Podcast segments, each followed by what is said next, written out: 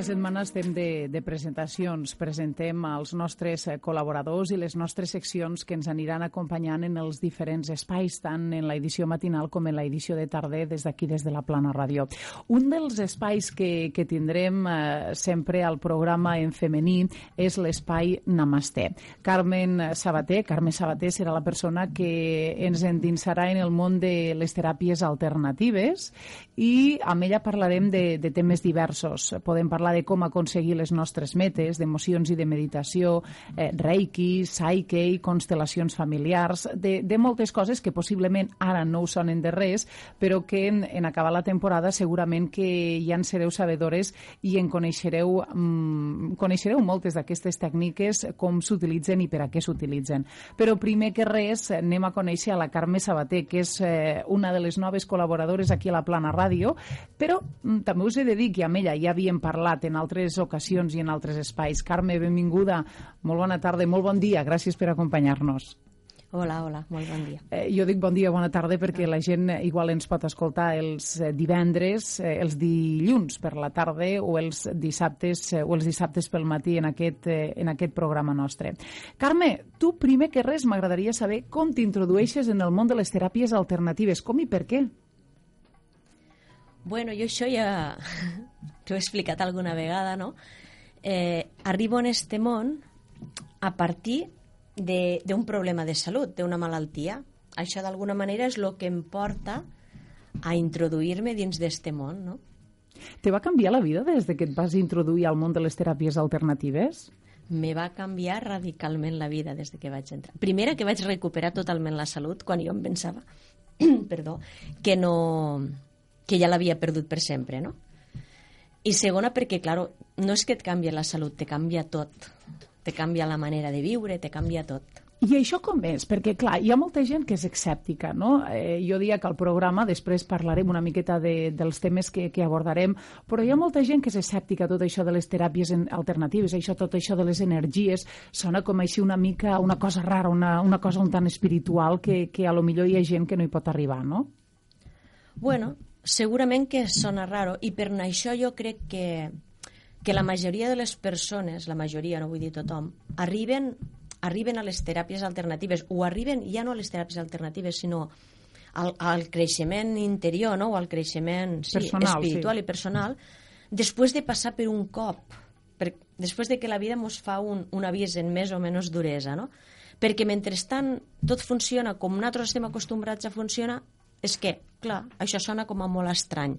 Ara, quan tu tens un problema i veus que no tens solució i veus que, que res del que fas serveix de res, és quan comences a, a veure, a investigar i a buscar si realment tu tens ganes de sortir d'allà, tens que buscar a veure si hi ha algo més. Uh mhm. -huh. És allò que es diu que qui té mal sempre busca remei, no? I d'una manera o d'una altra pues, eh, hi ha molta gent segurament que, que acudix aquí, no? Uh -huh. en, en, en el teu espai de què parlarem? Quins seran els temes que tractarem? A veure, d'alguna manera eh, seran uns programes dedicats pues, al creixement interior, no?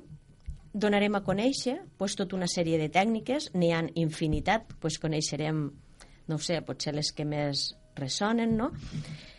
que tots són tècniques que ens ajudaran, o sigui, per ajudar-nos a, pues, a créixer o a sortir endavant, a solucionar conflictes, a sentir-nos millor, en resum, no?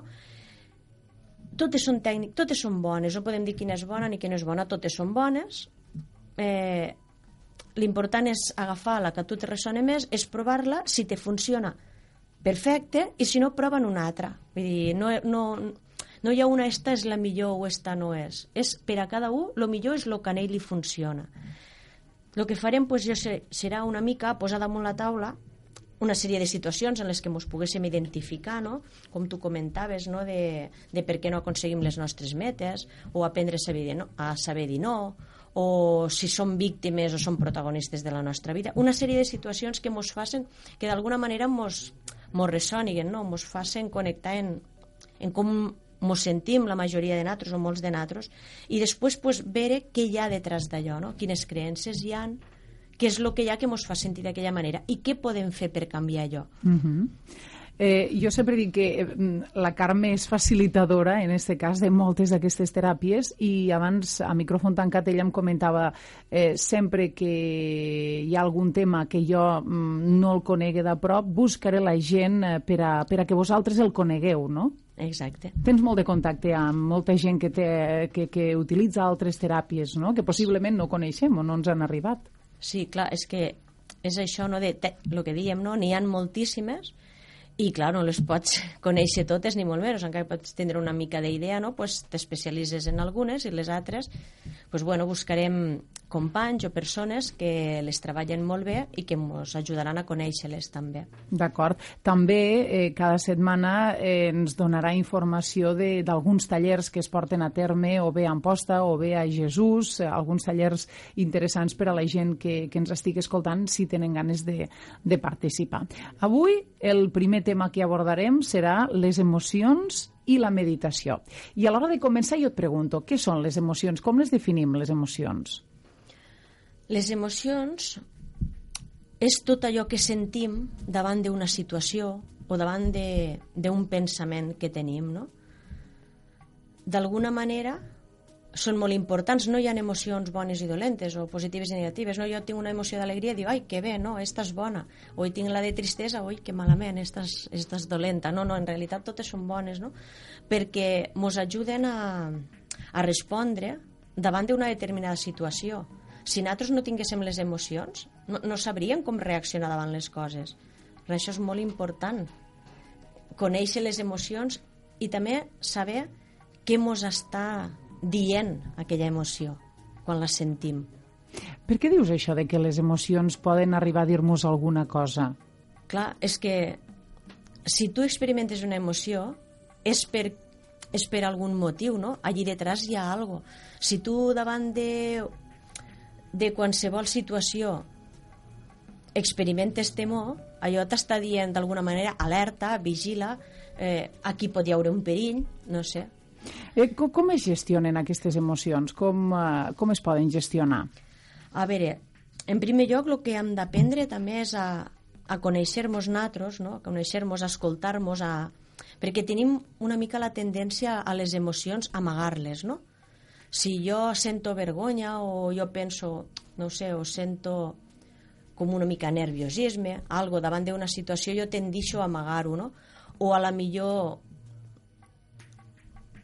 o sigui, per temor a la millor que em rechacen, no, no explico lo que, lo que jo estic sentint, ho amago. I a base d'amagar, amagar, amagar les emocions, el que fem és generar dins de nosaltres pues, problemes de salut, no? Si jo tinc una emoció de tristesa, però davant de la família, davant de que sigui, pues jo procuro estar bé i tot està bé i tot està bé, i després, a la millor al cap d'uns mesos, tindré una depressió i diran, bueno, i d'on ha sortit aquesta depressió? Clar, perquè és que porto amagant una sèrie de coses que m'estan provocant. O sigui, les emocions contingudes poden arribar a transformar-se en malalties?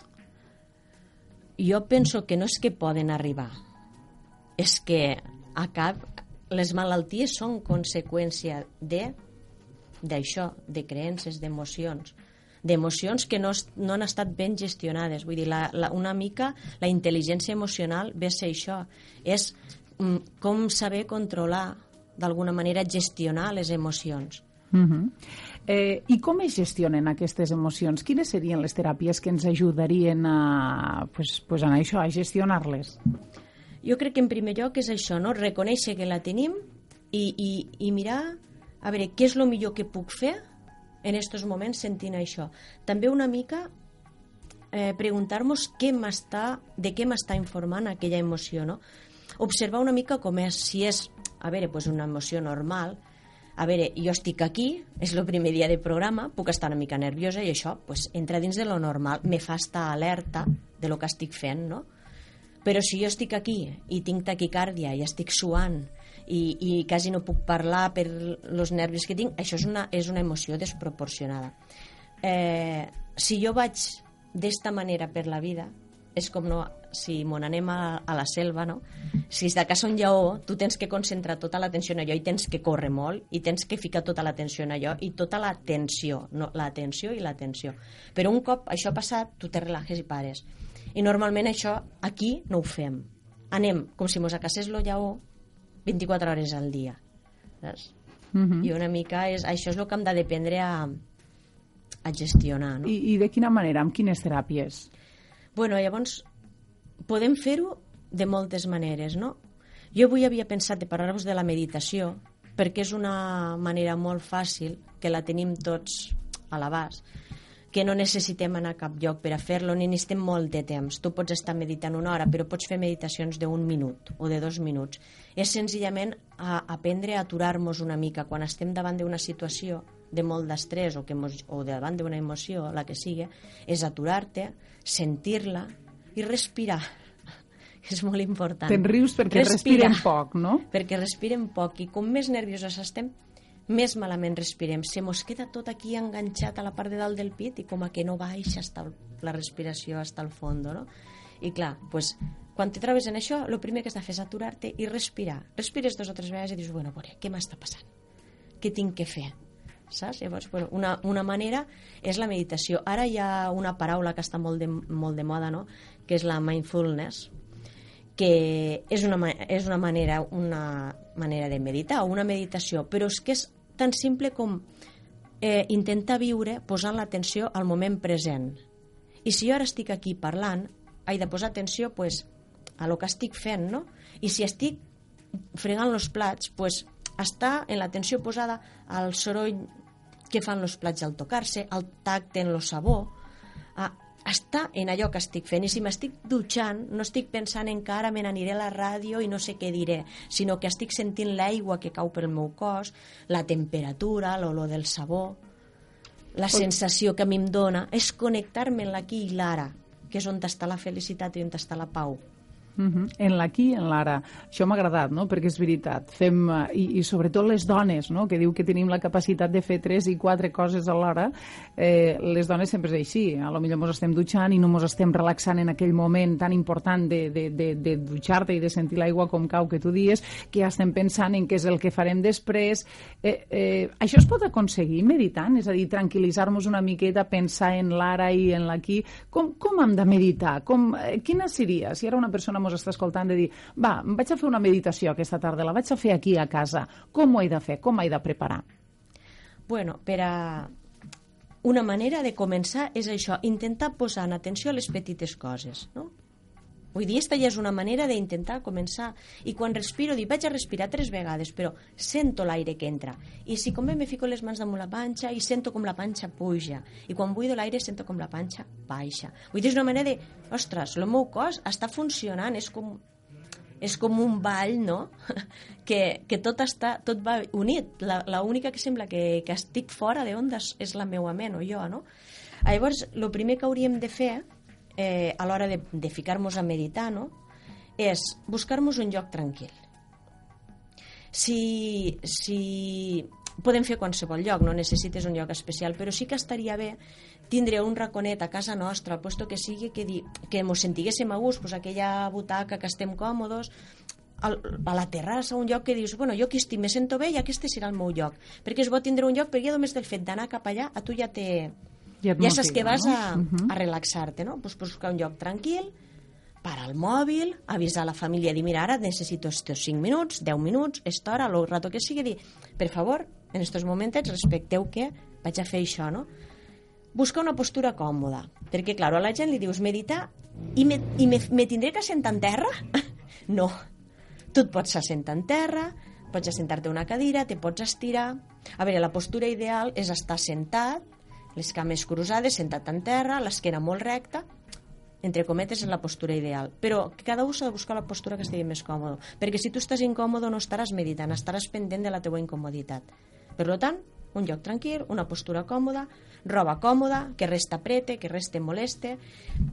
És bo intentar estar-te quieto, però que també dius, és posar-te a meditar, te comença a picar tot. Això ja també passa. Doncs pues no passa res, si te pica te rasques i tornes a començar.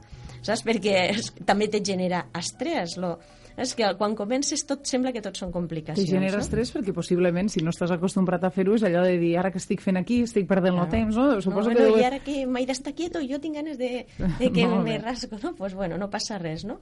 Eh, I d'alguna manera també comprometre'ns en nosaltres mateixos. Dir, vale, pues jo vaig a començar a meditar i no cal que facis una meditació llarga. Tu pots començar per meditacions de 3 minuts, per exemple. Però jo cada matí, cada nit la faré. És com jo em comprometo en mi mateix a fer això, perquè això és bo per a mi. I bueno, després amb el temps tu aniràs augmentant i, i ah, pots estar una hora meditant tranquil·lament i et passa l'hora i dius, ja ha passat l'hora, com pot ser?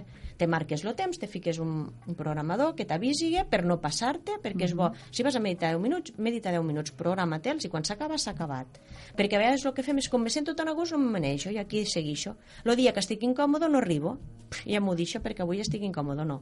Vull dir, tu et marques allò i fas allò, és bo marcar-te el temps també, no?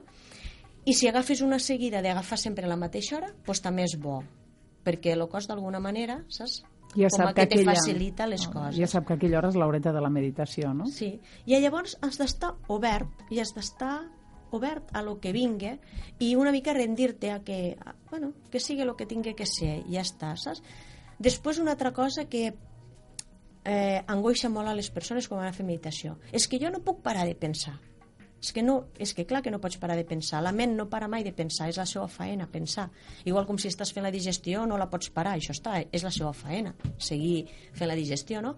El que sí que tu que, lo que tens que procurar és intentar connectar-te pues, això, en la respiració, posar l'atenció a algo. Pues a la respiració, per exemple, és una bona manera, a una sensació que pugues tindre al cos.